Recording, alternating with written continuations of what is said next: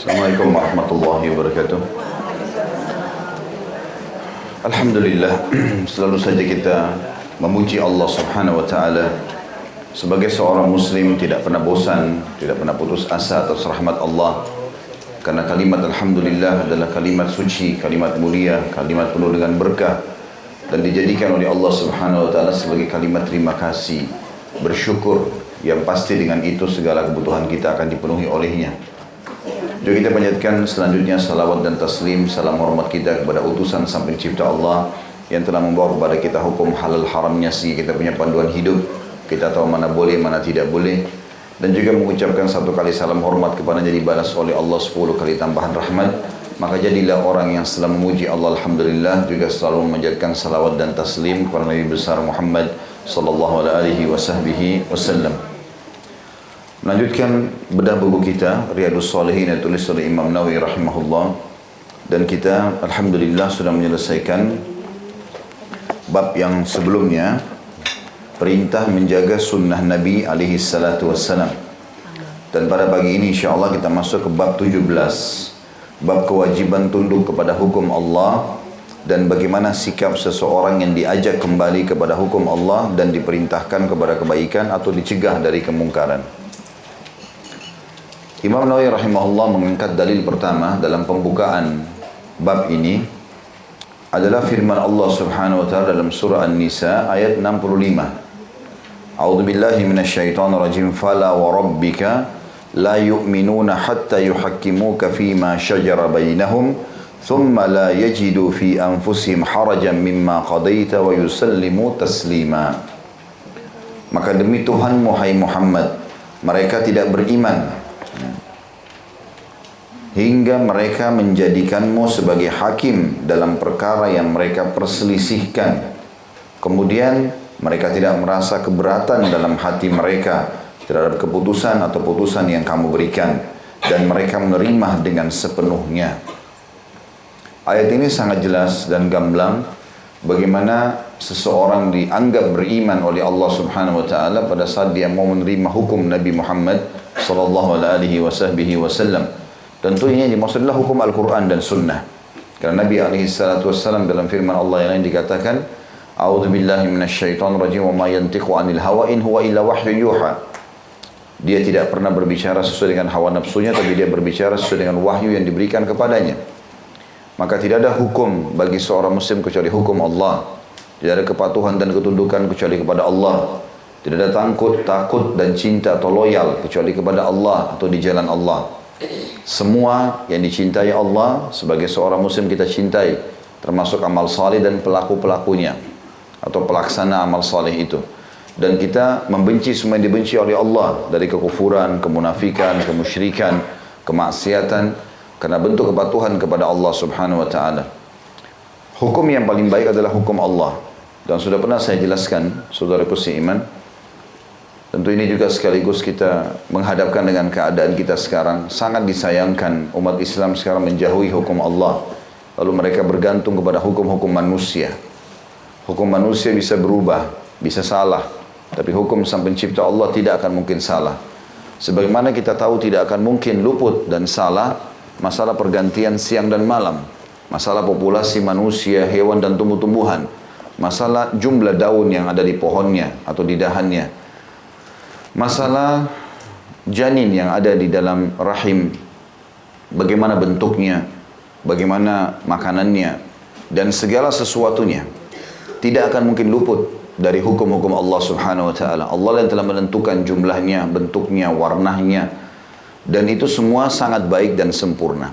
Begitu juga dengan kebutuhan-kebutuhan kita dalam menerapkan peraturan-peraturan dalam kehidupan makan, minum, berpakaian, bergaul, mencari pendapatan, berpolitik, semua hukum Allah Subhanahu wa taala dan itu yang terbaik.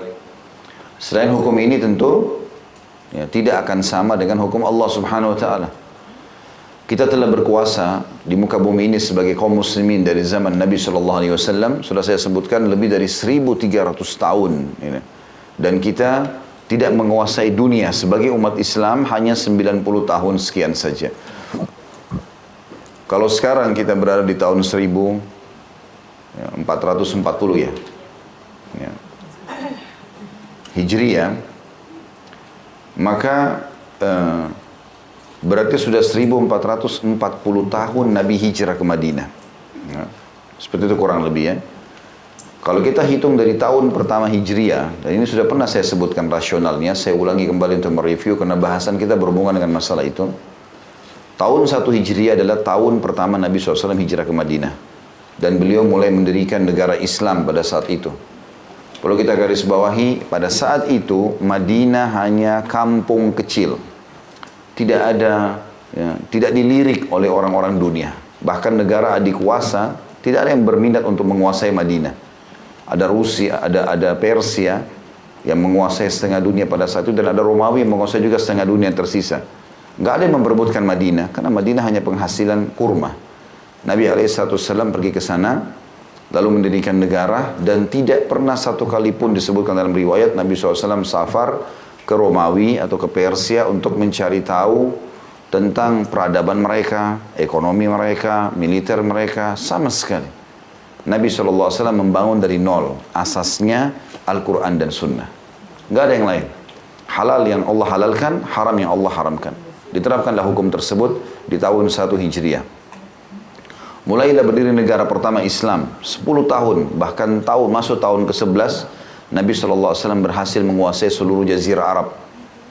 Di tahun 11 sampai tahun 13 Hijriah, Abu Bakar menguasai atau Abu Bakar menyelesaikan fitnah internal karena muncul para penolak pembayar zakat. Mereka menganggap zakat hanya wajib dibayar pada saat Nabi SAW hidup.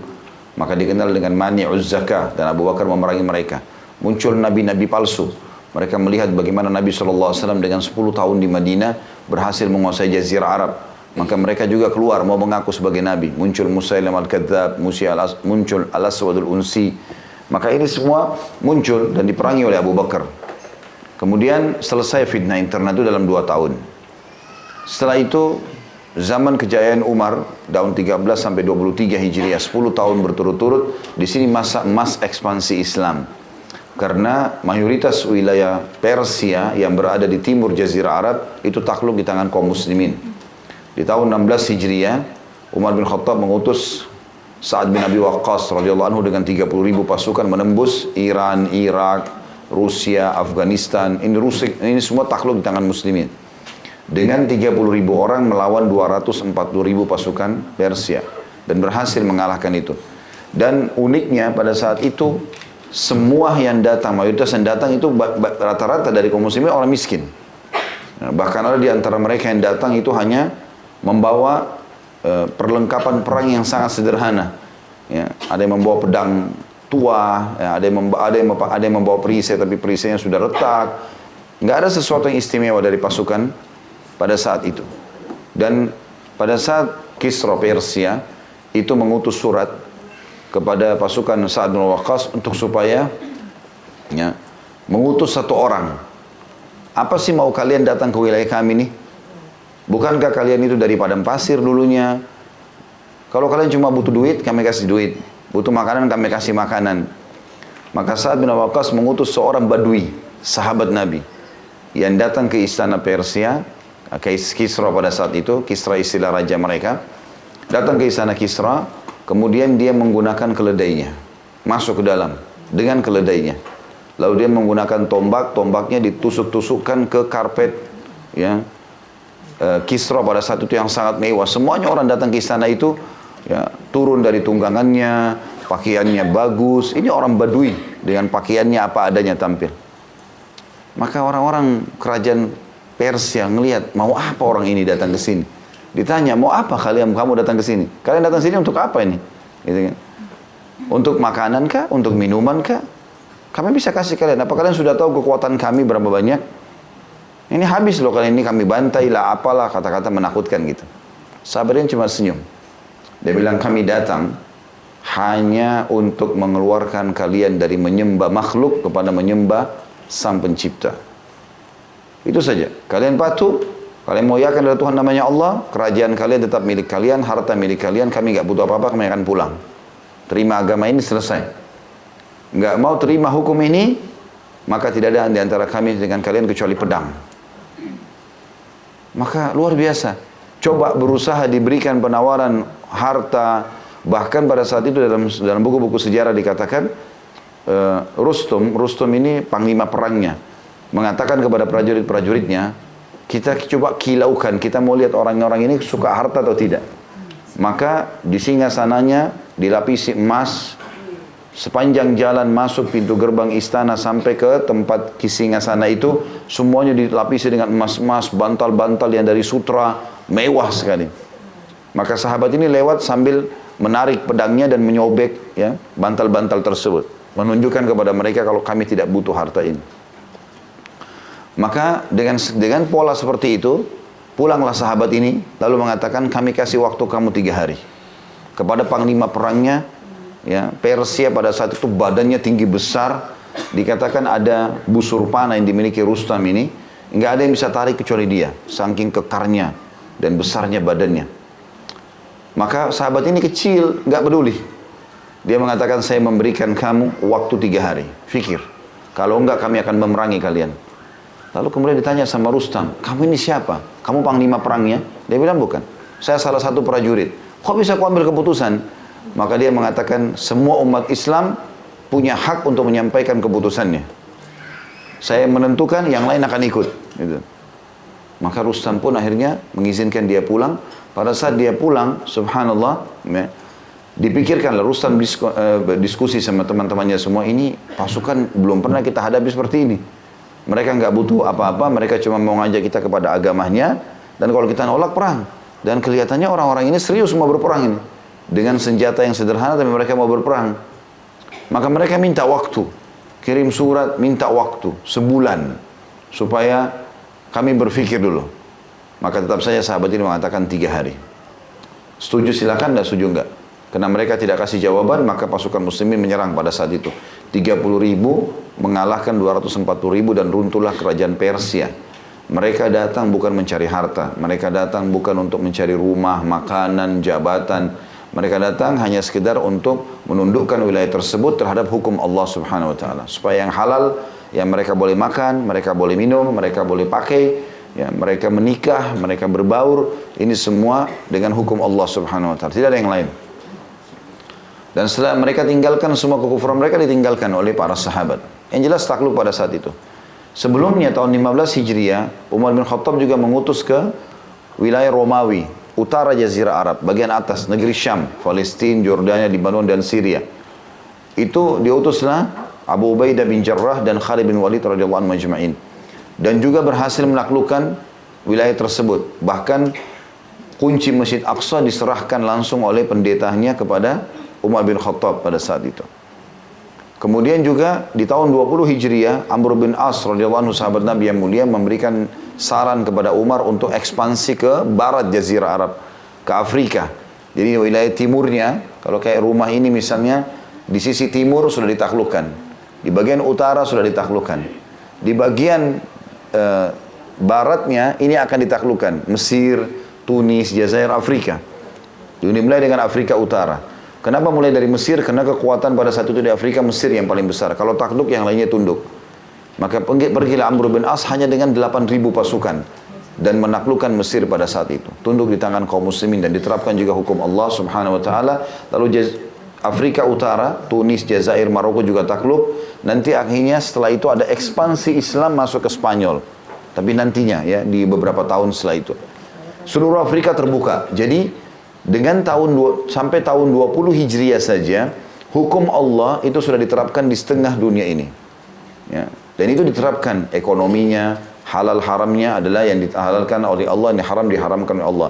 Menikahnya dengan cara Islam. Semua adat istiadat yang tidak bertolak, yang tidak sesuai dengan Islam dibuang. Dibuang semuanya. Tidak ada lagi itu.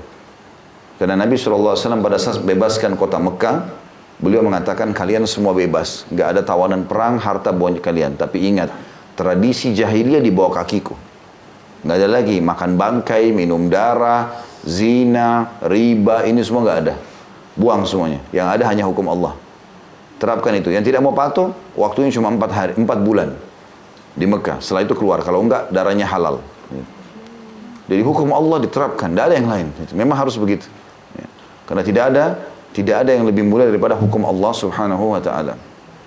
Yang jelas teman-teman sekalian, di tahun 20 Hijriah, setengah dunia dikuasai oleh kaum muslimin. Kita tidak bicara selatan Jazirah Arab, karena selatan Jazirah Arab ini laut, ya. Sudah masuk ke Laut India dan menuju ke Asia Tenggara. Walaupun memang ada beberapa fakta sejarah membuktikan di zaman Uthman bin Affan ya, tahun 23 Hijriah sampai 37 Hijriah ini sudah ada utusan-utusannya sampai ke Asia Tenggara termasuk Indonesia. Ya. Tapi itu memang fakta sejarah yang belum semuanya orang menggalinya. Ya, saya pernah membaca sendiri data-data itu. Dan itu ternyata sudah ada utusan-utusan dan pada saat itulah Islam sampai ke Indonesia. Ya. Yang jelas zaman Uthman bin Affan, Uthman bin Affan melihat wilayah kekuasaan Islam sangat luas. Dan ditinggalkan oleh Umar bin Khattab. Maka beliau mulai memakmurkan wilayah-wilayah tersebut. Mulailah beliau buat kapal-kapal perang, mulailah beliau uh, memberdayakan ekonomi umat, dan sampai akhirnya betul-betul keadaan ekonomi pada saat itu sangat bagus ya.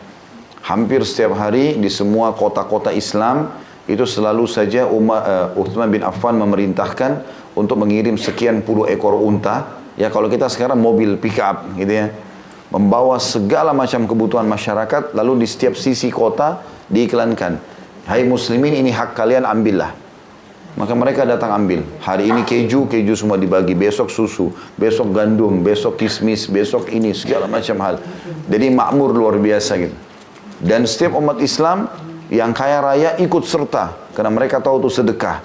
Nyumbang juga supaya mereka saling berbagi. Jadi makmur sekali pada saat itu. Dan tidak ada kerajaan seperti itu. Gak ada kerajaan di muka bumi ini seperti kerajaan Islam yang sudah berjaya itu. Setelah selesai Uthman bin Affan mati, terbunuh karena adanya fitnah-fitnah yang dibuat oleh orang-orang tertentu yang tidak bertanggung jawab. Di antaranya adalah Abdullah bin Sabah. Abdullah bin Sabah ini pendiri sekte Syiah. Ya. Dia orang Yahudi di Yaman yang pura-pura masuk Islam. Kemudian dia buat masalah nih. Masalah yang dia buat adalah dia masuk di kerajaannya Uthman bin Affan di akhir hidup beliau. Lalu dia mengatakan Abu Bakar sama Umar mengambil khilafahnya Ali. Dia nggak bilang Uthman karena Uthman lagi berkuasa. Cuma mau buat fitnah. Abdullah bin Sabah target utamanya adalah Nabi Muhammad SAW. Tapi kalau dia serang Nabi, maka secara otomatis umat pasti akan membela. Tapi dia buat kekacauan orang-orang di sekitar Nabi. Umar sama Abu Bakar adalah mertua Nabi. Ali bin Abi Thalib anak mantu Nabi. Mereka tidak punya masalah selama hidup mereka. Tapi dibuat ada masalah oleh orang ini. Kesannya ada masalah gitu. Maka akhirnya oleh Uthman bin Affan ditangkap, diusir dari Madinah.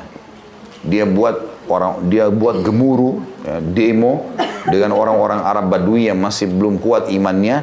Ini Uthman nepotisme ini Uthman begini fitnah macam-macam. Akhirnya sampai orang-orang Badui datang mengepung rumahnya Uthman bin Affan. Para sahabat Nabi itu mau membela beliau. Termasuk Ali bin Abi Thalib sendiri menggunakan imamah hitamnya mengenduskan pedangnya mengatakan hai Uthman perintahkan apa saja. Kami akan membelamu tapi Uthman tidak mau ada tertumpah darah pada saat itu akhirnya Uthman pun radhiyallahu anhu dibunuh oleh salah satu dari mereka. Setelah itu masuklah khilafah Ali bin Abi Thalib di tahun 37 kurang lebih atau 38 sampai 40 dan ini menyelesaikan fitnah internal lagi karena kasus pembunuhan Uthman ini menjadi kasus yang besar kan. Karena khalifah dibunuh ini bukan gampang itu sesuatu yang berat. Artinya kalau sampai dibuka pintu itu maka setiap orang tidak suka sama pemimpinnya akan membunuh pemimpinnya. Padahal dalam Islam tidak boleh masalah itu. Dihukum dihukumi pember, hukum pemberontak itu hukumnya haram, dosa besar. Maka akhirnya pada saat itu Ali bin Abi Thalib menyelesaikan lagi fitnah internal, termasuk diserang, di, di, di, di masalah kelompok Khawarij ya. Ini pengikut-pengikut Abdullah bin Sabah. Abdullah bin Sabah sendiri dihukum mati oleh Ali bin Abi Thalib. Intinya sampai tahun 40 Hijriah Jazirah Arab aman, seluruh setengah dunia dikuasai muslimin ya pada saat itu dan tidak ada yang bisa mengalahkan kerajaan Islam pada saat itu. Dan yang diterapkan hukum halal haramnya Allah, nggak ada hukum yang lain. Maka ini kita bisa lihat sampai tahun 40 Hijriah setengah dunia dikuasai. Semua peradaban dunia diganti dengan peradaban Islam. Baik itu peradaban dari sisi bangunan, pakaian, dan segala macam hal.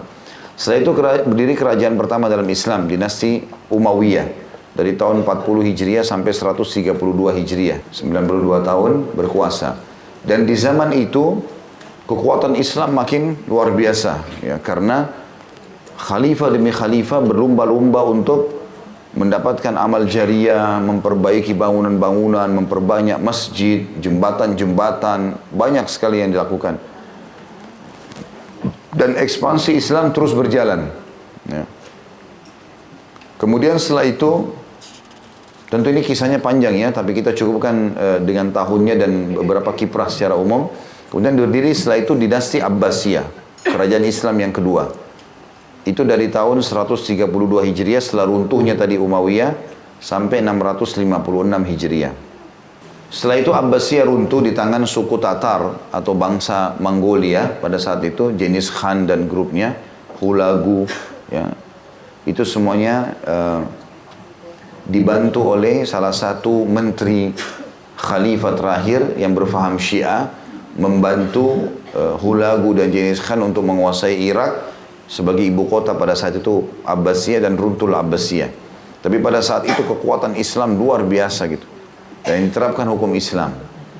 Setelah itu berdiri kerajaan kerajaan terakhir dinasti terakhir dalam Islam yang sangat besar bahkan lebih luas lagi jangkauannya daripada Abbasiyah itu Uthmaniyah. Ya. Uthmaniyah ini berdiri dari tahun itu runtuhnya Baghdad ya 656 Hijriah itu kurang lebih 670-an itu berdiri dinasti Utsmaniyah di Turki. Dan itu berkuasa sampai 1924 Masehi, kurang lebih dari sekarang ya eh, 90 tahunan. Dinasti Utsmaniyah itu berkuasa sampai Masehinya 1924 karena 1924 itu berubah dari khilafah Utsmaniyah menjadi republika, Republik Turki. Nah, pada saat berubah jadi Republik Turki itu hukum Islam dihapus. Intinya kita sekarang sudah tidak menerapkan hukum Islam itu baru 95 tahun saja. 1300 tahun lebih itu kita menerapkan hukum Islam dan kita menguasai dunia pada saat kita menerapkan hukum Islam itu. Jadi selama 90 tahun ini kata para ulama, para sejarawan, ya orang-orang non muslim itu berusaha untuk menghilangkan jejak ya umat Islam sampai kita tidak pernah tahu tentang sejarah kiprah ya Umayyah, Abbasiyah, ya Utsmaniyah. Jarang orang yang mau baca gitu. Ya. Jarang orang yang mau baca. Bahkan orang-orang sekarang kebanyakan e, menjadikan peninggalan Uthmaniyah kayak kalau kita umroh plus Turki, pergi ke Turki melihat cuma seperti histori saja. Oh ini peninggalan dulu ya, selesai. Nggak diambil pelajaran gitu. Sampai saya waktu ke Turki sempat bicara dengan beberapa anak-anak muda yang sempat menjadi tour leader. Apa apa yang kalian pikirkan sekarang dengan sejarah yang besar yang pernah dibuat oleh orang-orang tua kalian nih? Itu Turki Utsmani dulu waktu berkuasa, ada beberapa khalifah-khalifahnya, itu luar biasa. Seperti Sulaiman Kanuni. Baca kisahnya nanti, ketik di Google kisah Sulaiman Kanuni. Itu khalifah yang luar biasa. Hidupnya dari kecil sampai dari dari dia masih hidup di istana sampai dia meninggal, semuanya buat agama ini. Dan luar biasa, waktu dia setiap perang, sampai di zamannya dia itu pernah ada peperangan pasukan Islam melawan lebih daripada 80 bendera kekuatan Romawi itu kalah semua mereka. Dengan strategi perang yang luar biasa. Dan pada saat ya kapal-kapal Turki Utsmani dulu lewat di wilayah-wilayah orang non muslim mereka tidak berani membunyikan lonceng gereja. Takut mengganggu dan diserang oleh kaum muslimin. Dan pada zaman itu mereka bangga dengan pakaian umat Islam. Mereka bangga dengan mereka bangga dengan bahasa Arab. Kalau ada orang non muslim dulu di wilayah Romawi itu kalau mau melamar wanita dan bisa bahasa Arab dianggap dia itu berpendidikan tinggi. Karena zaman dulu belum ada titel akademik. Karena bahasa Arab dianggap bahasa dunia, bahasa negara yang menguasai dunia. Turki Utsmani itu kan baru runtuh setelah perang dunia, ya. Terjadi perang dunia, dia bersekutu sama Jerman, ada kisah panjang berhubungan dengan masalah itu, akhirnya terkalahkan lah, gitu kan, seperti itu. Jadi memang kekuatan Islam sebenarnya hukum Allah Subhanahu wa taala adalah hukum yang paling kuat, hukum yang paling benar dan diterapkan paling adil gitu. Sampai saya waktu susun tesis um, ya tesis S2 waktu itu ada salah satu survei saya nulis tentang masalah uh, salah satu babnya itu tentang uh, hukum Islam ya. Di antaranya adalah ada beberapa penelitian dilakukan oleh pihak pemerintah Eropa bergabung antara Jerman, Inggris dan beberapa negara lain melihat eksekusi yang paling bagus dan efektif buat para kriminal kelas kakap nih apa? Karena mereka sudah lakukan tembak, mereka lakukan racun, listrik, ya, distrum dan segala macam. Terus dilihat umat Islam punya kisos, penggal kepala pakai pedang. Dipelajarilah sama dia, sama mereka ini. Dan mereka temukan satu keajaiban yang luar biasa. Ternyata di antara semua bentuk pembunuhan atau ya, hukum mati bagi pelaku kriminal ini adalah yang paling cepat itu adalah pedang. Gak ada seperti pedang. Pedang itu ditebas selesai. Karena tujuannya adalah pelaku kriminal ini mati sudah selesai kejahatannya hilang bersama dia. Kalau di listrik masih ada penyiksaan, dia masih tersiksa gitu kan dan seterusnya. Maka mereka mengakui itu sampai mereka mendatangi Al Azhar di Mesir, mereka mendatangi beberapa beberapa beberapa negara Timur Tengah, konsultasi dengan beberapa ulama. Ya, kenapa? Dan semua sepakat kalau itu adalah kisos. Ada pelaku kriminal membunuh dibunuh dan bunuhnya pakai pedang. Maka mereka mengakui sendiri pedang itu adalah cara eksekusi yang paling tepat. Hukum Allah nggak mungkin salah. Hukum Allah nggak mungkin salah. Saya juga pernah bilang kan, hukum had orang dicambuk kalau orang mabuk, orang mabuk itu kan dicambuk 40 sampai 80 derah. Dicambuk. Kalau orang ketahuan kedapatan minum khamar, ditangkap, dicambuk punggungnya 40 kali atau 80 kali. Di zaman Nabi SAW, di zaman Abu Bakar diterapkan 40. Di zaman Umar, Umar naikkan jadi 80. Karena makin banyak orang minum khamar, gitu kan. Maka dicambuk tambah ekstra sama dia. Saya baca sendiri survei dan itu ada di, di YouTube juga diangkat itu ya. Bahkan sudah ada uh, kalau tidak salah di dubbing dalam bahasa Indonesia. Nah itu kalau ada negara-negara Eropa sekarang mereka membebaskan negara-negara non muslim ini membebaskan anak-anak muda mereka di atas 18 tahun untuk lakukan apa saja. Bahkan orang tuanya bisa dituntut sama dia kalau melarang. Boleh seks bebas, boleh minum khamar segala macam. Pokoknya 18 tahun ke atas silakan. Tapi mereka temukan ini ini menjadi penyebab kerusakan sosial karena semestinya umur seperti ini umur potensi untuk menjadi tokoh-tokoh masyarakat. Tapi karena mereka sudah minum minuman keras, mereka bergaul bebas, jadi rusaklah. Maka Menteri Sosial yang ada, Kementerian Sosial ada di sana, coba mencari tahu gimana cara sekarang penanggulangannya. Mereka bukan menghapus peraturan 18 tahun bebas itu, tapi mereka mencari yang sudah kecanduan minuman keras, pergaulan bebas ini gimana cara diobatin. Kalau kita bicara substansial yang lebih ringkas daripada dua ini karena panjang bahasanya tentang masalah khamar misalnya. Maka ditemukan ada dua setelah sekian tahun ya penelitian sekian juta dolar dikeluarkan uang, muncullah dua orang dokter dari Rusia berhasil menemukan ternyata salah satu caranya adalah dibuat klinik-klinik terapi. Dan terapi untuk menghilangkan kecanduan minuman keras, narkotika adalah ditidurkan di atas ranjang oleh dokternya lalu dipukul punggungnya 40 kali sampai 80 kali. Ya itu saya lihat sendiri cuplikannya. Karena di belakangnya di pinggung ini ada urat saraf itu berhubungan sekali dengan kecanduan seseorang. Itu kalau dicambuk maka berhenti kecanduannya. Seperti itu. Subhanallah masuk ke klinik itu bayar satu kali terapi 60 sampai 100 dolar. Islam cambuk gratis. Artinya dengan ilmu teknologi sekarang pun mereka ternyata menemukan oh solusi terbaiknya ini Islam sudah ajarkan 1400 tahun yang lalu dan sekian banyak sayang sekali kalau kita sekarang umat Islam terutama ibu-ibu sekarang masukkan anak-anaknya ke sekolah ya harusnya berpikir sekolah Islam itu memang sekolah yang paling tepat apalagi kalau memang kuat dari sisi penjelasan masalah akidah masalah Al-Quran dan hadis masalah sejarah jadi tahu anak-anak itu oh ternyata kita punya sejarah besar sampai para ya pakar sejarah dunia, orang non-muslim mengatakan umat Islam ini seperti singa yang lagi tidur. Sekarang kita lagi tidurin kan, tidurkan nih.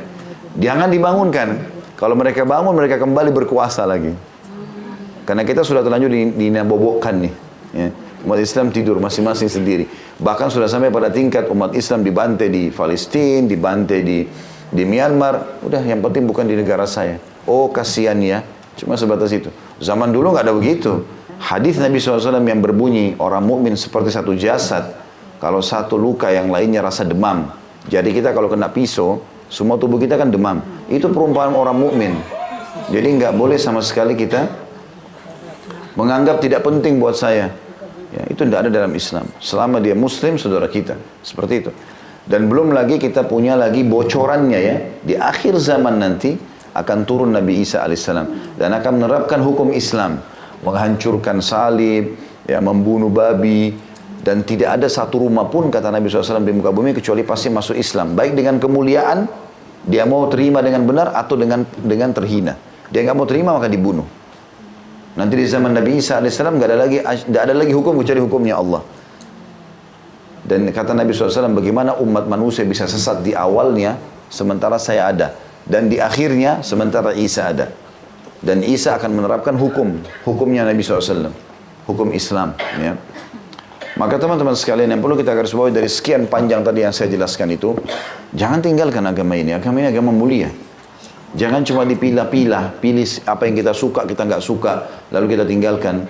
Atau kita selalu masa bodoh tidak pernah mau belajar tambahan tentang informasi. Ini agama mulia, ajaran Allah Subhanahu wa taala dan tidak ada agama diterima sisi Allah kecuali Islam. Inna dina indallahil Islam. Allah hanya menerima Islam saja. Dan Allah mengatakan yabtaghi ghairal islami dinan falan yuqbala minhu wa huwa fil akhirati minal khasirin. Siapa yang coba-coba pilih selain Islam sebagai agamanya, maksudnya panduan hidupnya, makannya, minumnya, pakaiannya segala macam tidak akan diterima darinya di hari kiamat. Dan dia termasuk orang-orang tidak akan diterima darinya dan di akhirat dia termasuk orang-orang yang rugi akan masuk ke neraka. Nggak ada pilihan yang lain gitu kan? Sisi yang lain tentunya selain daripada apa yang lebar tadi kita sampaikan coba terapkan hukum Islam. Kita akan rasakan kenikmatannya sendiri ya. Kenikmatannya luar biasa gitu. Seperti saya pernah jelaskan survei tentang masalah hijab ya yang diadakan oleh teman-teman muslimah yang ada di Eropa, di Amerika. Mereka adakan survei sendiri. Berapa banyak wanita di YouTube ada cuplikan itu. Eksperimen hijab, coba deh nonton, lihat. Anak-anak muda muslimah yang di Amerika siapkan jilbab, buka seperti tenda di pinggir jalan, setiap ada yang lewat ditawarkan. Mau pakai jilbab enggak? Mau coba enggak? Bagaimana pendapat kalian tentang kami? Banyak orang nilai buruk. Tapi orang muslim dibilang coba pakai dulu. Satu menit, dua menit, dipakai sama dia. Terus jelaskan apa yang dirasakan. Hampir semua non muslim itu mengatakan, saya kok seperti ada di sebuah benteng yang kuat ya. Padahal cuma kain ditaruh di kepala. Ada hikmah syar'i dan Allah sudah mengatakan dalam Al-Qur'an, "Dzalika adna alla yuzain." Salah satu tujuan utama supaya tidak diganggu gitu kan. Orang ganggu orang pakai hijab paling assalamualaikum saja. Gitu kan. Apalagi kalau hijabnya makin syar'i, apalagi kalau pakai cadar, mau diganggu apanya ini? Hmm? Maksudnya adalah ada hikmah-hikmah syari yang sangat besar, yang luar biasa, yang sebenarnya harus dipelajari, ditelusuri, dan kita terapkan dalam kehidupan kita. Di dalam ayat tadi yang kita jelaskan teman-teman yang diangkat pertama oleh Imam Nawawi rahimahullah dalam Nisa ayat, ayat 65, di sini bahkan Allah menegaskan, maka demi Tuhan Muhammad Muhammad, mereka tidak beriman hingga mereka menjadikanmu sebagai hakim dalam perkara yang mereka perselisihkan. Semua yang mereka lakukan dalam kehidupan mereka harus ikuti hukum Muhammad. Kemudian mereka tidak merasa keberatan dalam hati. Kalau mau dikatakan beriman, terima dulu hukum Nabi SAW, Al-Quran dan Sunnah, dan tidak ada keberatan dalam masalah itu. Terhadap putusan yang kamu berikan, dan mereka menerima dengan sepenuhnya. Diangkat juga firman Allah SWT surah An-Nur ayat 51 yang berbunyi A'udzubillahi minasyaitonirrajim. إنما كان قول المؤمنين إذا دعوا إلى الله ورسوله ليحكم بينهم أن يقولوا سمعنا وأطعنا وأولئك هم المفلحون Sesungguhnya jawaban orang-orang mukmin bila mereka diajak kepada Allah dan Rasulnya agar Rasul memutuskan perkara di antara mereka adalah mereka mengucapkan kami mendengar dan kami taat dan mereka itulah orang-orang yang beruntung ya. Allah SWT mengatakan A, Rasulullah SAW mengatakan A, kita mengatakan A. Mereka mengatakan B, Allah Rasulullah mengatakan B, kita katakan B. Tidak ada yang lain. Keputusan kita selalu sesuai dengan Allah dan Rasulnya. Tidak ada Tuhan kecuali Allah, tidak ada guru dan panutan kecuali Muhammad SAW. Tidak ada yang lain. Di mana-mana sama hukumnya. Babi haram di Indonesia, haram di Amerika, haram di Jepang, haram di mana-mana. Khamr haram di sini, haram di mana-mana. Sholat lima waktu, di mana pun kita berada sama hukumnya. Sama caranya, ya waktunya juga sama. Artinya, dilihat matahari, waktu duhur begini, waktu asar begini, uduk dulu, hadap kiblat, tutup aurat. Ini bacaannya yang membatalkan juga sama. Nggak ada yang berubah. Standarisasi hukum Islam ada. Kata beliau, dalam bab ini terdapat beberapa hadis antara lain adalah hadis Abu Hurairah yang disebut pada awal bab sebelumnya di nomor 160 dan hadis-hadis lainnya. Kita sekarang masuk langsung saja ke hadis yang disebutkan di sini. Hadis pertama dalam bab kita adalah nomor 172. Dari Abu Hurairah radhiyallahu anhu beliau berkata, "Lamma nazalat ala Rasulillah sallallahu alaihi wasallam lillahi ma fis samawati wa ma fil ard wa in tubdu ma fi anfusikum aw tukhfuhu yuhasibukum bihi Allah." اشتد ذلك على أصحاب رسول الله صلى الله عليه وسلم فأتوا رسول الله صلى الله عليه وسلم ثم بركوا على الركب فقالوا أي رسول الله أي رسول الله كلفنا من الأعمال ما نطيق الصلاة والجهاد والصيام والصدقة وقد أنزلت عليك هذه الآية ولا نطيقها. قال رسول الله صلى الله عليه وسلم أتريدون أن تقولوا كما قال أهل الكتابين من قبلكم سمعنا وعصينا بل قولوا سمعنا وأطعنا غفرانك ربنا وإليك المصير. فلما اقترأها فلما اقترأها القوم وذلت بها ألسنتهم أنزل الله تعالى في إثرها آمن الرسول بما أنزل إليه من ربه والمؤمنون. كل آمن بالله وملائكته وكتبه ورسله لا نفرق بين أحد من رسله وقالوا سمعنا وأطعنا غفرانك ربنا وإليك المصير. فلما فعلوا ذلك نسخها الله تعالى فأنزل الله عز وجل لا يكلف الله نفسا إلا وسعها لها ما كسبت وعليها ما اكتسبت. ربنا لا تؤاخذنا إن نسينا أو أخطأنا. قال نعم ربنا ولا تحمل علينا إسرا كما حملته على الذين من قبلنا. قال نعم ربنا ولا تحملنا ما لا طاقة لنا به. قال نعم واعف عنا واغفر لنا وارحمنا. Anta maulana fansurna 'alal qaumil kafirin qala na'am Hadis ini diriwayatkan oleh Imam Muslim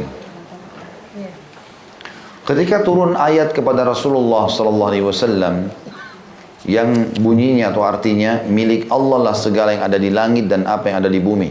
Ini sebenarnya hadis ini menceritakan sebab turunnya uh, beberapa ayat terakhir dari surah Al-Baqarah ya. Walillahi ma fis samawati wa ma fil ardi wa in tubdu ma fi anfusikum aw tukhfuhu yuhasibukum bihillah ya. Maka pada saat turun ayat ini kepada Rasulullah SAW milik Allah lah segala yang ada di langit dan apa yang ada di bumi. Dan jika kalian menampakkan apa yang ada di dalam hati kalian atau kalian menyembunyikannya, niscaya Allah akan membuat perhitungan dengan kalian tentang perbuatan itu. Al-Baqarah 284. Pada saat turun ayat ini, artinya Allah Subhanahu wa taala akan menghisap kita kalau zahir zahirnya ayat ini kita sembunyikan atau kita terang-terangkan lakukan, maka sama. Allah SWT akan hisab dan akan menghukum. Maka hal itu terasa berat oleh para sahabat Rasulullah SAW. Maka mereka mendatangi Rasulullah SAW kemudian mereka ber, berlutut seraya berkata, ya, artinya sambil berharap kepada Nabi, wahai Rasulullah, kami dibebani amalan-amalan yang kami sanggup Salat kami mampu lakukan, jihad kami mampu lakukan, puasa dan sedekah kami mampu lakukan. Dan kini telah turun kepada anda ayat ini. Kami tidak mampu untuk melaksanakannya. Artinya, apa pun yang kamu sembunyikan dalam hati, atau kau lakukan terang-terangan, Allah akan hukum. Kalau perbuatan dosa. Para sahabat merasa beban. Sekarang kalau orang baru niat dalam hati mau zina, udah dihukum. Kan gitu. Kan jadi berat baru niat mau gosip, belum melakukan, sudah dihukum. Maka mereka bilang, ya Rasulullah, ayat ini betul-betul berat buat kami gitu. Karena mungkin orang seseorang antara kami bisa saja terlintas di benaknya untuk lakukan perbuatan, tapi dia bisa batalkan. Gitu kan. Maka Nabi SAW bersabda, Apakah kalian ingin mengatakan sebagaimana dikatakan oleh pengikut dua kitab sebelum kalian, Yahudi dan Nasrani? Mereka dulu kalau turun ayat-ayat Al-Quran kepada Musa, kepada Isa alaihissalam, kalau mereka rasa berat, mereka tolak langsung. Ya. Nabi SAW mengatakan, apakah kalian mau mengikuti jejak mereka? Artinya kalau turun hukuman sebagaimana mereka dihukum, kalian juga siap dihukum? Kenapa kalian tidak mengatakan, ya mereka mengatakan ya orang-orang ahli kitab dulu mengatakan kami mendengar dan kami membangkang. Ya. Jadi kalau pada saat turun ayat Al-Quran, ayat Injil atau Taurat yang mereka anggap tidak tidak tepat, maka mereka bilang sami'na wa asaina. Kami dengar tapi kami nolak. nggak mau. Ya, waktu turun perintah Allah Subhanahu wa taala untuk menyembelih sapi supaya membuat orang mati bicara siapa yang bunuh, mereka undur-undur sapi apa, warnanya apa, ya, segala macam berat akhirnya buat mereka, gitu kan? Itu disebutkan di dalam uh, Al-Quran. Tetapi kata Nabi SAW, ucapkanlah sami'na wa ata'na. Kami dengar dan kami mentaati. Apa pun hukum Allah datang, ucapkan itu. Ampunanmu, gufranaka rabbana. Ampunanmu yang kami mohon.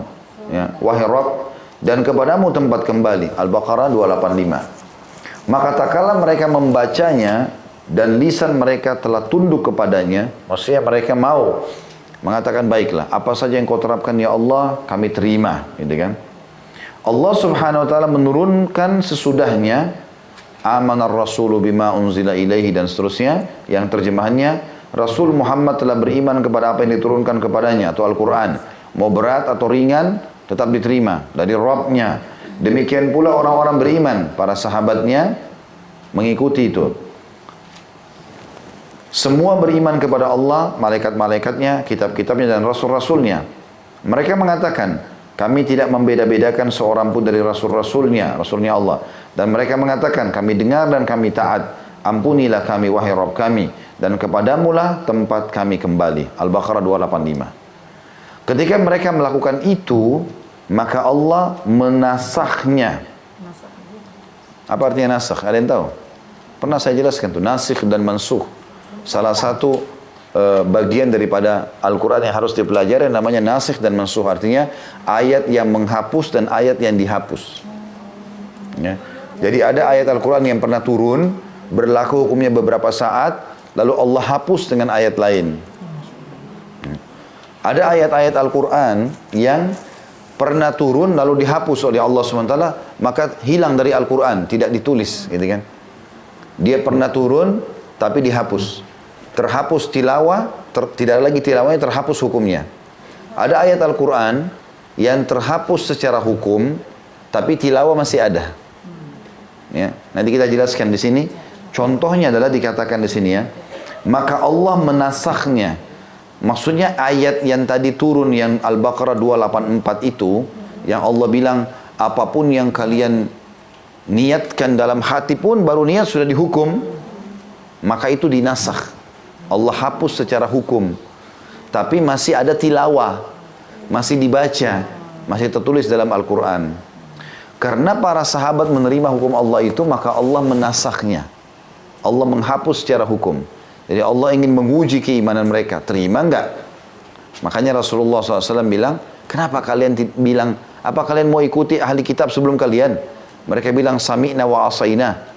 Kami beriman, tapi kami membangkang. Kami dengar, tapi kami bangkang. Kenapa enggak bilang sami'na wa afa'na? Kami dengar dan kami akan patuh. Maka para sahabat pun akhirnya mengatakan sami'na wa afa'na. Lalu mereka ikuti, gufranaka rabbana wa ilaikal masir. Sungguh engkau maha pengampun, ampunilah kesalahan kami. Kebodohan kami ini, kenapa kami nggak terima? Itulah, seperti itu. Maka Allah menasah ayat tadi. Secara hukum dihapus yang Al-Baqarah 284 tadi. Maka Allah subhanahu wa ta'ala menurunkan setelah itu, Allah tidak membebani seseorang melainkan sesuai dengan kesanggupannya. La yukallifullahu nafsan illa us'aha. Ayat ini menasah ayat tadi, menghapus hukum ayat tadi. Artinya kalau tidak ada beban, tidak ada ada perintah tapi tidak mampu, maka Allah SWT tidak hakimi itu. Dikatakan Allah tidak membebani seseorang melainkan sesuai dengan kesanggupannya, dia mendapat pahala dari kebajikan yang dikerjakannya dan dia mendapat siksa dari kejahatan yang diperbuatnya. Mereka berdoa, wahai Rabb kami, janganlah engkau hukum kami jika kami lupa atau kami melakukan kesalahan. Al-Baqarah 286. Jadi ini ayat berentetan ya. Ya. Maka pada saat para sahabat membaca ayat ini, mereka mengatakan, La yukallifullahu nafsan illa us'aha. Allah tidak bebankan seorang seseorang sesuai kecuali sesuai dengan kemampuannya. Laha ma kasabat wa alaiha maktasabat. Kalau dia berbuat baik, jiwa orang beriman itu akan diberikan balasan. Dia berbuat jahat juga akan diberikan sesuai dengan kadar kejahatannya. Ya. Maka pada saat mereka membaca ini, lalu mereka mengatakan, Rabbana La tu'akhidna in nasina au akhtana. Wahai Tuhan kami, jangan engkau hukum kami kalau kami lupa atau kami salah. Artinya baru terlintas di hati, langsung dihukum. Janganlah kau lakukan itu hai Tuhan kami. Artinya merengek dengan Allah. Lalu Allah jawab. Ya di situ setelah ditulis Al-Baqarah 286, dia berfirman. Siapa itu? Allah. Jadi pada saat sahabat ucapkan itu Allah langsung merespon, ya. Berarti mulai detik itu tidak ada hukuman bagi orang yang baru niat saja. Ya. Kemudian dikatakan lanjutannya Rabbana wala tahmil alaina isran kama hamaltahu ala alladhina min qablina. Wahai Rabb kami, janganlah engkau bebankan kepada kami beban yang berat sebagaimana kau bebankan kepada orang-orang sebelum kami. Al-Baqarah 286. Maka Allah menjawab lagi, iya.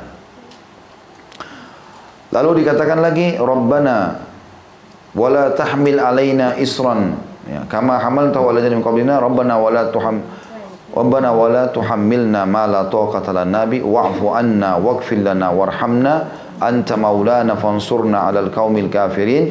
Wahai Rabb kami janganlah engkau pikulkan kepada kami apa yang tidak sanggup kami pikul. Masih lanjutan ayat ya. Allah mengatakan lagi, "Ya, maafkanlah kami." Ya. Ampunilah kami dan rahmatilah kami, engkaulah penolong kami, maka tolonglah kami menghadapi orang-orang kafir. Maka Allah pun menjawab, "Iya." Di sini teman-teman sekalian, sebagian ulama mengatakan hikmah yang paling besar yang bisa diambil daripada hadis ini, kalau ada sebuah hukum yang kita pelajari dalam Islam dan kita anggap itu berat bagi kita, maka yang paling pertama terima dulu. Orang kalau terima hukum itu, lalu dia memohon kepada Allah SWT agar dimudahkan untuk mengamalkan, dia akan mengamalkan. Dia akan bisa mengamalkan nanti. Orang mau pergi haji, belum pernah haji sebelumnya dia tonton di TV, oh padat sekali ya. Di sini antara dia memohon kepada Allah agar dia dimudahkan hajinya, atau dia tolak haji itu.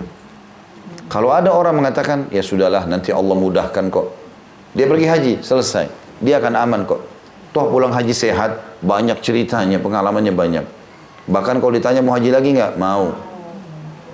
Tapi kalau dari awal, wah kayaknya berat nih, nggak usah haji deh. Ya sudah dia nggak berangkat sudah. Allah SWT berikan sesuai dengan kemauan dia nanti. Sholat malam susah, enaknya tidur, nggak usah deh. Ya udah, dia nggak bakal sholat nanti.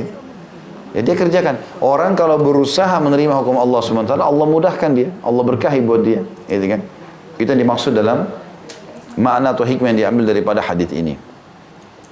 Kesimpulan bahasan kita teman-teman sekalian adalah bagaimana seorang muslim menerima hukum Allah Subhanahu wa taala dengan berlapang dada kalau itu masih berat bagi dia, dia berdoa kepada Allah agar dimudahkan. Ya, kemudian dia coba praktekkan. Allah bilang dalam Al-Quran juga, وَالَّذِينَ جَاهَدُوا فِينَا لَنَهْدِيَنَّهُمْ سُبُلَنَا Orang yang berusaha memaksakan diri menuju ke jalan kami, kami akan juga pandu dia ke jalan kami. Ya, Kalau nggak salah ini Al-Ankabut ayat terakhir 68 atau 69 itu ayatnya ya tentang masalah siapa yang berusaha menuju ke jalan kami dia sudah berusaha datang di majelis taklim, dia berusaha bangun sholat malam, dia berusaha tutup aurat, dia berusaha puasa, maka kami akan mudahkan ke jalan-jalan kami. Walaupun ada sedikit upaya, tapi dia akan lakukan. Lama-lama nanti akan menjadi mudah bagi dia, bahkan dia bisa mencintai perbuatan tersebut.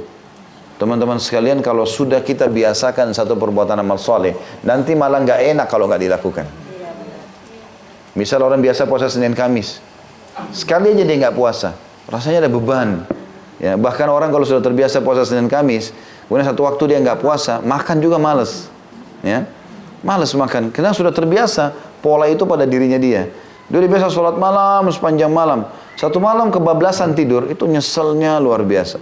Ada kenikmatannya. Itu tidak bisa muncul kecuali memang sudah rutinitas. Itu dijadikan sebagai rutinitas. Dan tidak akan menjadi sebuah rutinitas kalau tidak dimulai. Makanya hadir di majelis ilmu itu didengar, cantolin dalam hati, praktekin dalam kehidupan.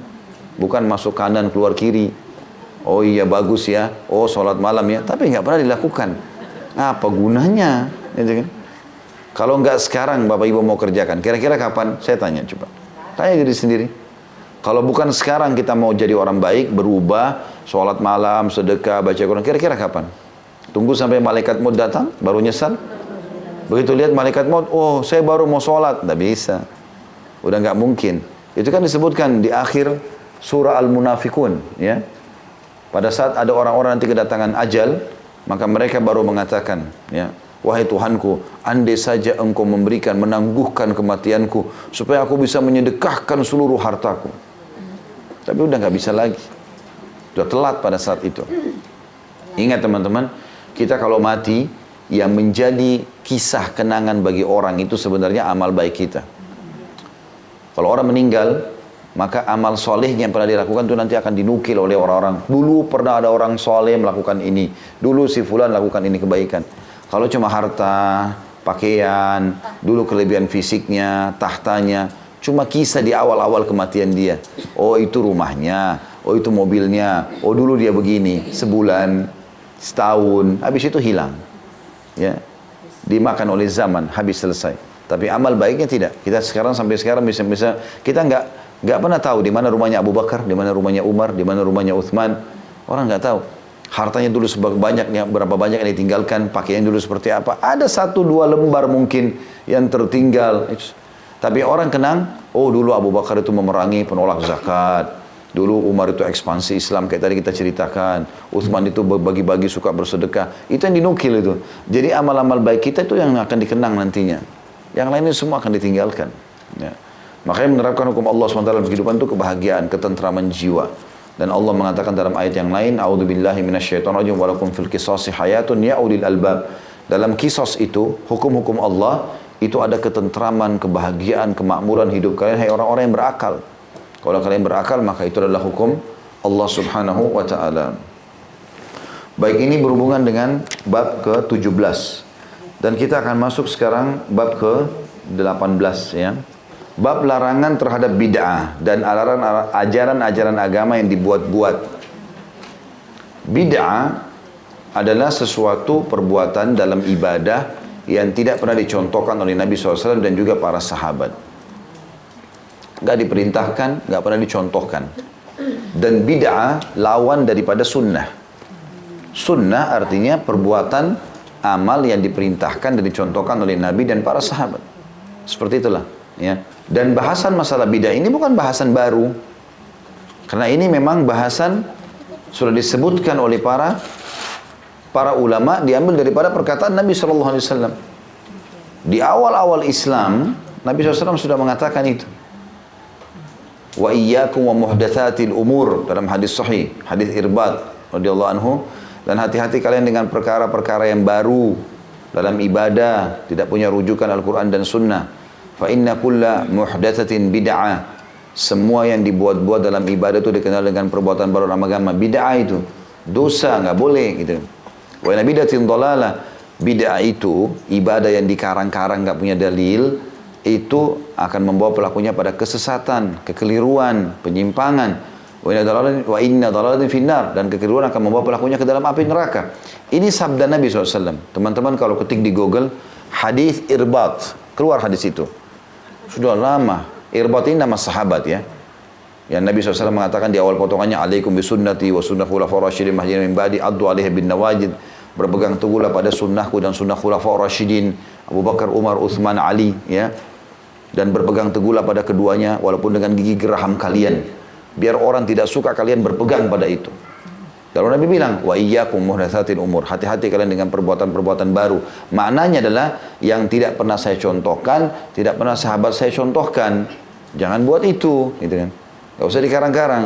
Karena orang yang berbuat bid'ah sekarang kalau kita ingatkan, kan itu bagus. Bahasanya kok ini bagus? Yang bagus itu di mata Allah dan Rasulnya. Pertanyaan sederhana, apa kita lebih pintar dari Nabi SAW? Kalau Nabi nggak sampaikan, Nabi nggak kerjakan, berarti sudah jelas tidak boleh, sudah selesai. Nggak usah, karena kalau baik pasti Nabi sudah lakukan. Seperti itulah.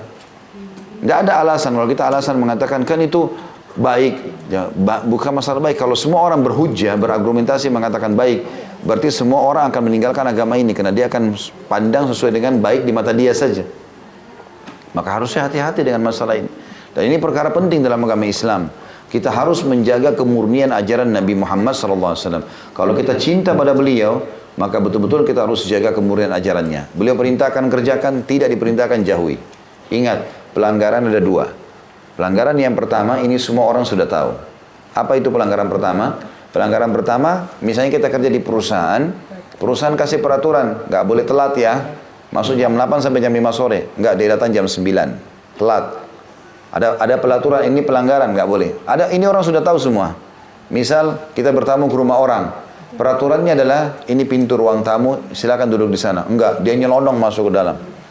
Dia melanggar. Ini semua orang sudah tahu pelanggaran.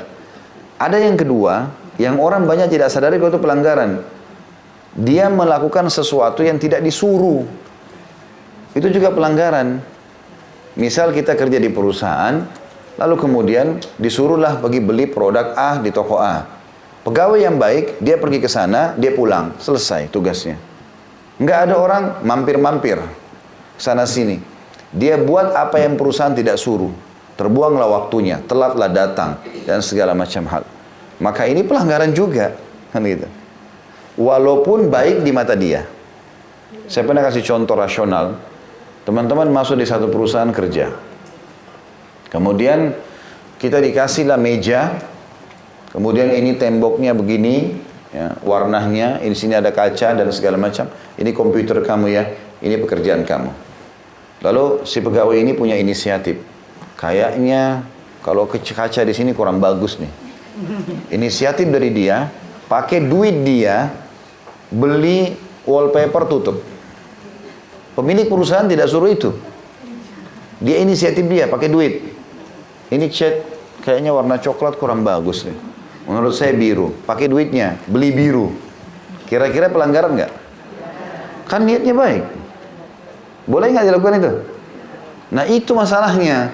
Jadi banyak orang tidak faham yang tidak diperintahkan oleh Allah dan Rasulnya itu pelanggaran. Itulah bid'ah. Itulah.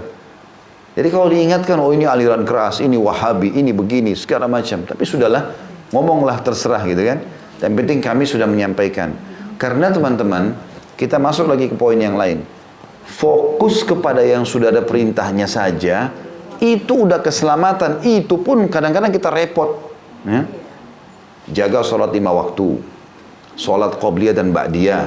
Sholat duha, qiyamul lail, zikir pagi petang, baca hizib Al-Quran, jenguk orang sakit, bakti orang tua, majelis ilmu. Padat sekali ini. Padat. Itu aja deh. Pasti masuk surga udah. Ini enggak, buat macam-macam. Ini Rasulullah enggak pernah contohin, enggak apa-apa. Lu, ini gimana? Sampai kata sebagian ulama salaf, orang yang menghidupkan satu bid'ah, buat ibadah yang tidak punya panduan wahyu, mematikan satu sunnah. Karena dia buang waktu untuk itu. Sebenarnya ada ada yang sudah jelas-jelas, tapi dia nggak mau kerjakan, gitu kan? Yang menghidupkan satu sunnah mematikan satu bid'ah. Jelas sunnah yang Nabi contohkan, bid'ah yang Nabi nggak contohkan. Selesai. Poinnya itu loh. Kalau diingatkan, ribut. Loh ini kan diingatkan. Tapi terserah ya. Mau terima silahkan, nggak mau terima ya sudah. Tapi nggak mungkin kami diam. Pasti akan dijelaskan kepada umat masalah itu. Dan memang dakwah sifatnya begitu. Ada yang terima, ada yang nolak. Itu sudah umum, gitu kan. Tapi nggak mungkin didiamkan masalah ini. Teman-teman, kita fokus kepada apa yang diperintahkan itu ketentraman jiwa. Orang yang berpegang pada sunnah Nabi saja, nggak nambah-nambah, itu sudah enak hidupnya. Tentram rasanya. Berapa kali kami bimbing umroh, kemudian jalan. Ustadz, umrohnya kok enak sekali ya, ringan. Dulu kok banyak sekali syaratnya. Harus baca ini, harus begini, harus begitu. Loh, Nabi contohkan begini, lagi tahu silahkan berdoa, gitu kan. Lagi saya silakan rukunnya umroh itu hanya niat, ihram, tawaf, sa'i, tahallul. Selesai. Selebihnya mau berdoa silahkan. Tidak paham tanya. Udah, jadi umrohnya mudah. Oh ternyata mudah sekali ya. Dulu kayak harus begini, harus begitu. Ada panduannya nggak? Makanya perlu ditanya teman-teman sekalian. Perlu ditanya ya. Kalau ada yang ajarkan sesuatu, ada dalilnya nggak? Ada ayatnya, ada hadisnya, ada contoh sahabat. Kalau nggak ada jangan dikerjakan. Ya. Karena sesuatu yang sudah jelas ada panduannya, diterima ada balasannya. Ya, kalau meja ini kita bagi dua, pernah saya kasih contoh begitu. Ini ibadah yang ada perintahnya. Kita kerjakan nih, pasti dapat balasannya. Ini setengah meja kalau kita bagi yang tidak ada perintahnya. Minimal syubhat, minimal. Bisa diterima, bisa enggak, ya. Dari pegawai, dia beli yang diperintahkan, diterima oleh perusahaan. Dia beli produk, coba-coba, mungkin perusahaan terima, mungkin tidak, bisa diterima, bisa enggak. Itu minimal. Ngapain buang-buang waktu untuk itu? Karena perbuatan bid'ah dianggap sesuatu yang harus. Bahkan ada orang meninggalkan sunnah satu tahun. Nggak pernah ibadah sunnah. Akhir tahun buat perbuatan bid'ah. La haula wa la quwata illa billah. Mana dia setahun ini kerjakan sunnah Nabi? Enggak sholat duha, enggak zikir bagi petang, enggak baca Quran. Ujung-ujung akhir tahun buat acara ini, buat acara itu. Nabi enggak pernah contohin. Gitu kan? Tapi yang dibuatlah. Subhanallah, buang uang, buang waktu. Ini semua ada tanggung jawabannya. Alasannya kan baik. Loh Nabi nggak contohin loh. Ya sudah. Yang penting kan bagus, tidak bisa. Sama saja ini orang-orang yang tetap maksakan diri untuk melakukan perbuatan bid'ah. Seperti orang bilang sama, dia bilang gini, kalau Rasulullah SAW hidup, ya Rasulullah maaf, mungkin karena anda lupa, mungkin karena anda tidak tahu. Seperti dia bilang itu, kan Nabi nggak lakukan. Kok bisa katakan itu kepada Nabi SAW? Kan tidak mungkin. Kalau dikatakan, kalau Nabi tanya dia, kan saya nggak pernah contohin, apa yang dia mau jawab? Nah, kira-kira dia mau jawab apa? Dia mau jawab, ya Rasulullah mungkin anda lupa, mungkin anda tidak tahu. Gak sopan benar sama Nabi ini. Salah satu bentuk keimanan kita kepada risalah Nabi Muhammad SAW adalah mengakui bahwasanya beliau tidak meninggal dunia kecuali sudah menyampaikan semuanya amanahnya Allah. Nabi SAW itu tidak meninggal dunia kecuali sudah semua disampaikan. Yang halal, yang haram, yang kecil, yang besar, semua sudah jelas. Makanya para ulama mengatakan Nabi SAW meninggal dalam kondisi meninggalkan untuk umat ini malamnya menjadi siang terang ya seperti ada matahari. Enggak ada sesuatu yang tidak jelas. Kata Nabi SAW yang halal jelas. Sudah saya sampaikan semua. Yang haram jelas. Sudah saya sampaikan semua. Di antaranya ada hal yang samar-samar. Boleh nggak sih? Nabi bilang, siapa yang menyelamatkan dirinya yang samar-samar, nggak jelas hukumnya, Gak jelas dalilnya, dia menyelamatkan kehormatan dirinya dan agamanya. Siapa yang menjurumuskan dirinya pada yang syubhat, yang samar-samar, boleh nggak ya? Maka dia jurumuskan dirinya pada yang haram. Betul cuma dua, halal atau haram. Syubhat masuk ke mana? Haram. Itu sabda Nabi, bukan sabda bukan perkataan saya. Nggak ada tengah-tengahnya. Nggak jelas jangan dilakukan, udah selesai. Anggap jadi haram dia. Ya, seperti kata Nabi SAW, orang yang jerumuskan dirinya pada yang syubhat itu, samar-samar boleh nggak ya? Misal, seperti orang jerumuskan dirinya, atau dia binasakan dirinya, seperti pengembala domba yang bawa domba-dombanya di ladang rumput yang rumputnya lebih tinggi dari dombanya. Dia tidak tahu domba mana yang dicuri oleh serigala. Dia nggak tahu amalan mana yang Allah terima nih. Gitu. Maka cukupkan dengan yang ada perintahnya. Yang ada perintahnya aja sudah banyak. Fokus itu saja pasti diterima. Baik. Salah satu tokoh Islam, ulama besar yang membahas masalah itu adalah Imam Nawawi. Imam Nawawi adalah salah satu guru besar dalam madhab syafi'i yang menulis buku Riyadus Salihin ini. Bab khusus bab 18, larangan terhadap bid'ah dan ajaran-ajaran agama yang dibuat-buat. Allah berfirman dari pertama surah Yunus ayat 32. A'udzu billahi minasyaitonir rajim. Famadza ba'dal haqqi illa dhalal maka tidak ada lagi setelah kebenaran melainkan kesesatan. Artinya sudah disampaikan hukum Allah, jangan tambah-tambah. Setelah kebenaran nggak ada lagi, jangan ditambah. Juga dalam surah Al-An'am ayat 38, A'udzu billahi minasyaitonir rajim, ma farratna fil kitabi min syai'. Tidak ada sesuatu pun yang kami luputkan di dalam Al-Kitab. Dalam Al-Quran, semua sudah dijelaskan. Nggak ada yang luput. Ya. Kemudian juga firman Allah surah Nisa ayat 59. A'udzu billahi minasyaitonir rajim. Fa in tanaza'tum fi syai'in farudduhu ila Allah war Rasul. Kemudian jika kalian berbeda pendapat tentang sesuatu kembalikanlah kepada Allah Al-Qur'an dan Rasul sunnahnya. Tidak faham hukum, cari ayatnya, cari dalilnya, sunnahnya. Ada dalilnya kita kerjakan, tidak ada tidak dikerjakan. Al-An'am 153 Allah berfirman A'udzu billahi minasyaitonir rajim wa anna hadzal sirati mustaqiman fattabi'uhu wa la tattabi'us subula fatafarraqa bikum an sabili dan bahwa ini adalah jalanku yang lurus maka ikutilah dan janganlah kalian mengikuti jalan-jalan yang lain yang akan mencerai-beraikan kalian dari jalannya jelas firman Allah jelas 30 juz Al-Qur'an sudah diterjemahkan hadis-hadis Nabi juga jelas. Ya. Gak ada sesuatu yang perlu ditambah lagi. Juga firman Allah SWT Al-Imran ayat 31 A'udhu billahi minasyaitan rajim Kul in kuntum tuhibbun Allah fattabi'uni Yuhbibukumullah wa ikfir lakum dunubakum. Katakanlah hai Muhammad Jika kalian mencintai Allah Ikutilah aku. Niscaya aku mencintai Allah mencintai kalian Dan mengampuni dosa-dosa kalian Cukupkan dengan apa yang aku perintahkan Allah akan cinta pada kalian Kalau Allah sudah cinta, kita teman-teman kalau cinta pada seseorang kita apa? Loyal. Ya. Kita akan berusaha memberikan yang terbaik pada dia. Maka seperti itulah. Allah Subhanahu wa taala akan mencintai kita dengan mengikuti Nabi sallallahu alaihi wasallam. Dan ayat-ayat dalam masalah ini berjumlah banyak dan terkenal kata Imam Nawawi rahimahullah. Adapun hadis-hadisnya maka ia juga berjumlah banyak dan masyhur. Di sini kami cukupkan dengan menyebut sebagian saja di antaranya. Kita masuk hadis pertama dalam bab bid'ah ini nomor 173 dari Aisyah radhiyallahu anha beliau berkata Rasulullah SAW bersabda man ahdatha fi amrina hadha ma laysa minhu fahuwa rad Barang siapa yang membuat ajaran baru dalam urusan agama kami ini yang bukan merupakan bagian darinya, maka ia tertolak. Ada pun di bawah 177, barang siapa yang mengada-ngada di dalam Islam sesuatu yang bukan dari Islam dan tidak disaksikan oleh salah satu dalil atau pokok Islam maka dia ditolak, tidak dianggap sedikit pun Hadis ini adalah salah satu kaidah agama yang agung, maka wajib dihafalkan dan disosialisasikan untuk membuang segala macam bid'ah. Ya. Hadis ini riwayat Bukhari Muslim. Jadi jelas sabda Nabi SAW, barang siapa yang membuat ajaran baru, maksudnya tidak pernah aku contohkan, tidak pernah sahabat contohkan, walaupun seribu alasannya bagus, tetap maka kata Nabi SAW, maka ia tertolak. Itu sabda Nabi. Dalam riwayat Imam Muslim, man amila amalan laisa alaihi amruna fahuwa rad. Barang siapa yang melakukan satu amalan yang tidak didasari oleh urusan agama kami, maka ia tertolak atau ditolak. Siapa yang buat uh, ibadah, perbuatan yang tidak dasarkan didasarkan Al-Quran dan Sunnah Wahyu, maka dia ditolak. Hadis ini sangat jelas dan ini dijadikan sebagai kaidah penting oleh para ulama tentang haramnya bid'ah. Tidak boleh orang lakukan perbuatan itu. Itu akan menjadi beban bagi dia pada hari kiamat. Semestinya dia tinggalkan perbuatan tersebut. Ya.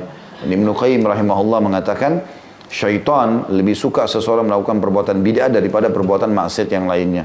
Karena orang kalau melakukan bid'ah dia tidak sadar dirinya dalam keadaan salah. Ya. Maka dia menganggap dirinya benar. Ini berbahaya bagi dia. Hadis yang selanjutnya nomor 174 dari Jabir radhiyallahu anhu beliau berkata, karena Rasulullah SAW idza khataba ihmarrat aynah وعلى صوته واشتد غضبه حتى كأنه منذر جيش يقول صبحكم ومساكم ويقول بعثت أنا والساعة كهاتين ويقرن بين أصبعيه السبابة والوسطى ويقول أما بعد فإن خير الحديث كتاب الله وخير الحدي حدي محمد صل وخير الحدي حدي محمد صلى الله عليه وسلم وشر الأمور محدثاتها وكل بدعة ضلالة ثم يقول أنا أولى بكل مؤمنين من من من نفسه. أنا أولى بكل مؤمن من نفسه. من ترك مالا فلأهله ومن ترك دينا أو ضياعا فإلي وعلي. Apabila Rasulullah SAW berkhutbah, ini kata Jabir radhiyallahu anhu, apabila Rasulullah SAW berkhutbah, kedua mata beliau memerah, suara beliau meninggi, dan amarah beliau memuncak. Seolah-olah beliau adalah seorang yang memberikan, memperingatkan kedatangan pasukan musuh. Ya. Yang mengatakan, awas, musuh akan menyerbu kalian di waktu pagi dan sore hari. Jadi kalau Nabi SAW sedang ceramah ingatkan umat ini seperti orang yang luar biasa. Seperti orang yang lagi marah, wajahnya memerah, mengingatkan jangan sampai kalian masuk neraka nih. Jangan sampai kalian langgar, jangan sampai kalian begini. Beliau bersabda, aku diutus sementara rentan waktu antara aku dan kiamat adalah seperti ini. Lalu beliau SAW menggandengkan jari telunjuknya dengan jari tengahnya. Artinya sangat dekat antara aku dengan hari kiamat. Hati-hati Waktu sudah dekat kembali kepada Allah.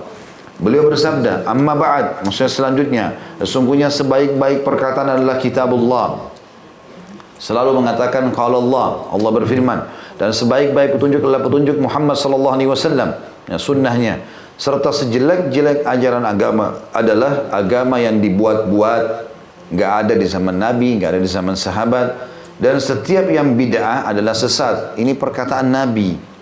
Jadi kalau ada orang mengatakan jangan bilang bid'ah, itu kenapa bisa kenapa bisa menolak sabda Nabi? Lalu kita mau kemanakan hadis ini? Gitu kan? Kemudian beliau bersabda, aku lebih utama terhadap setiap mukmin daripada dirinya sendiri. Barang siapa yang meninggalkan harta maka itu untuk keluarganya. Dan barang siapa yang meninggalkan hutang atau tanggungan maka urusannya diserahkan kepadaku dan menjadi tanggunganku. Hadis ini disebutkan juga sudah disebutkan di nomor 161. Hadis ini riwayat Muslim. Dan yang terakhir semua 175 sekalian saya saya baca dari Irbat ibn Sariyah. Ini yang tadi saya jelaskan ya. Irbat ibn Sariyah ini yang saya bilang tadi hadis Irbat itu. Hadisnya telah disebutkan pada bab perintah menjaga sunnah Nabi dan adab-adabnya. Ya. Itu disebutkan di nomor hadis nomor 161. Coba kita kembali ke 161 ya. Saya langsung saja baca terjemahannya dari Abu Najih Irbad ibn Sariyah beliau berkata Rasulullah SAW pernah menasihati kami dengan suatu nasihat yang sangat menyentuh di mana hati menjadi gemetar dan mata meneteskan air mata. Maka kami pun berkata wahai Rasulullah sepertinya nasihat ini adalah nasihat perpisahan. Sepertinya anda sudah mau meninggal nih ya. Maka berwasiatlah kepada kami. Beliau bersabda aku berwasiat kepada kalian agar bertakwa kepada Allah mendengar dan mentaati sekalipun yang memerintah kalian adalah seorang budak berkulit hitam dari Habasyah. Kalau ada pemimpin sudah terlanjur menang, maka patuhlah padanya. Kecuali maksiat kepada Allah baru kita tidak patuh. Selama tidak, maka patuhlah. Dan bahwasanya, ini Nabi SAW ingatkan, sahabat sudah sadar nih, Nabi kayaknya mau meninggal nih. Wasiat terakhirnya apa nih? Ini wasiat pertama. Wasiat kedua, dan bahwasanya barang siapa yang hidup dari kalian setelah aku meninggal nanti akan melihat banyak perselisihan. Pendapat ini, pendapat itu, macam-macam. Maka bagaimana supaya selamat? Kata Nabi, berpeganglah kalian kepada apa? Sunnahku dan sunnah khulafaur rasyidin yang diberi petunjuk. Maksudnya Abu Bakar, Umar, Uthman, Ali. Karena mereka dikenal dengan khulafaur rasyidin. Gigitlah erat-erat dengan gigi geraham kalian dan waspadailah setiap hal-hal yang diada-adakan karena setiap bid'ah adalah sesat. Hadis ini riwayat Abu Daud dan Tirmidzi. Lalu bagaimana ada orang mengatakan bid'ah bisa baik, bid'ah hasanah? Bagaimana bisa keluar bid'ah hasanah? Nabi bilang bid'ah dolal, bid'ah sesat. Apakah dia mau menyaingi perkataan Nabi? Nabi bilang kullu bid'atin dolala. Semua bid'ah sesat lalu dia mengatakan tidak ada bid'ah hasanah. Kan ini bentrok dengan sabda Nabi SAW kan? Jadi semestinya seorang muslim kembali masalah ini. Sekali lagi, berpegang pada sunnah Nabi SAW kebahagiaan dan cukupkan dengan itu. Udah sibukkan itu sampai meninggal dunia. Kita kalau sudah ikut pengajian, sudah mulai faham mana sunnah-sunnah Nabi, tinggal terapkan istiqomah saya sampai mati. Selesai. Itu sudah dicontohkan oleh Nabi SAW, oleh para sahabat. Mereka faham mana halal haramnya Allah, mereka terapkan sampai mati. Selesai. Dapat jaminan surga. Itu saja kok tugas kita sampai ajal datang. Ngapain buat-buat amal yang tidak ada perintahnya? Ini berbahaya tidak diterima oleh Allah SWT bahkan sebagian ulama masukkan dalam kategori dosa. Allah alam. Begitu saja subhanakallah wa bihamdika syari'an la ilaha illa anta astaghfiruka wa atubu ilaik. Wassalamualaikum warahmatullahi wabarakatuh.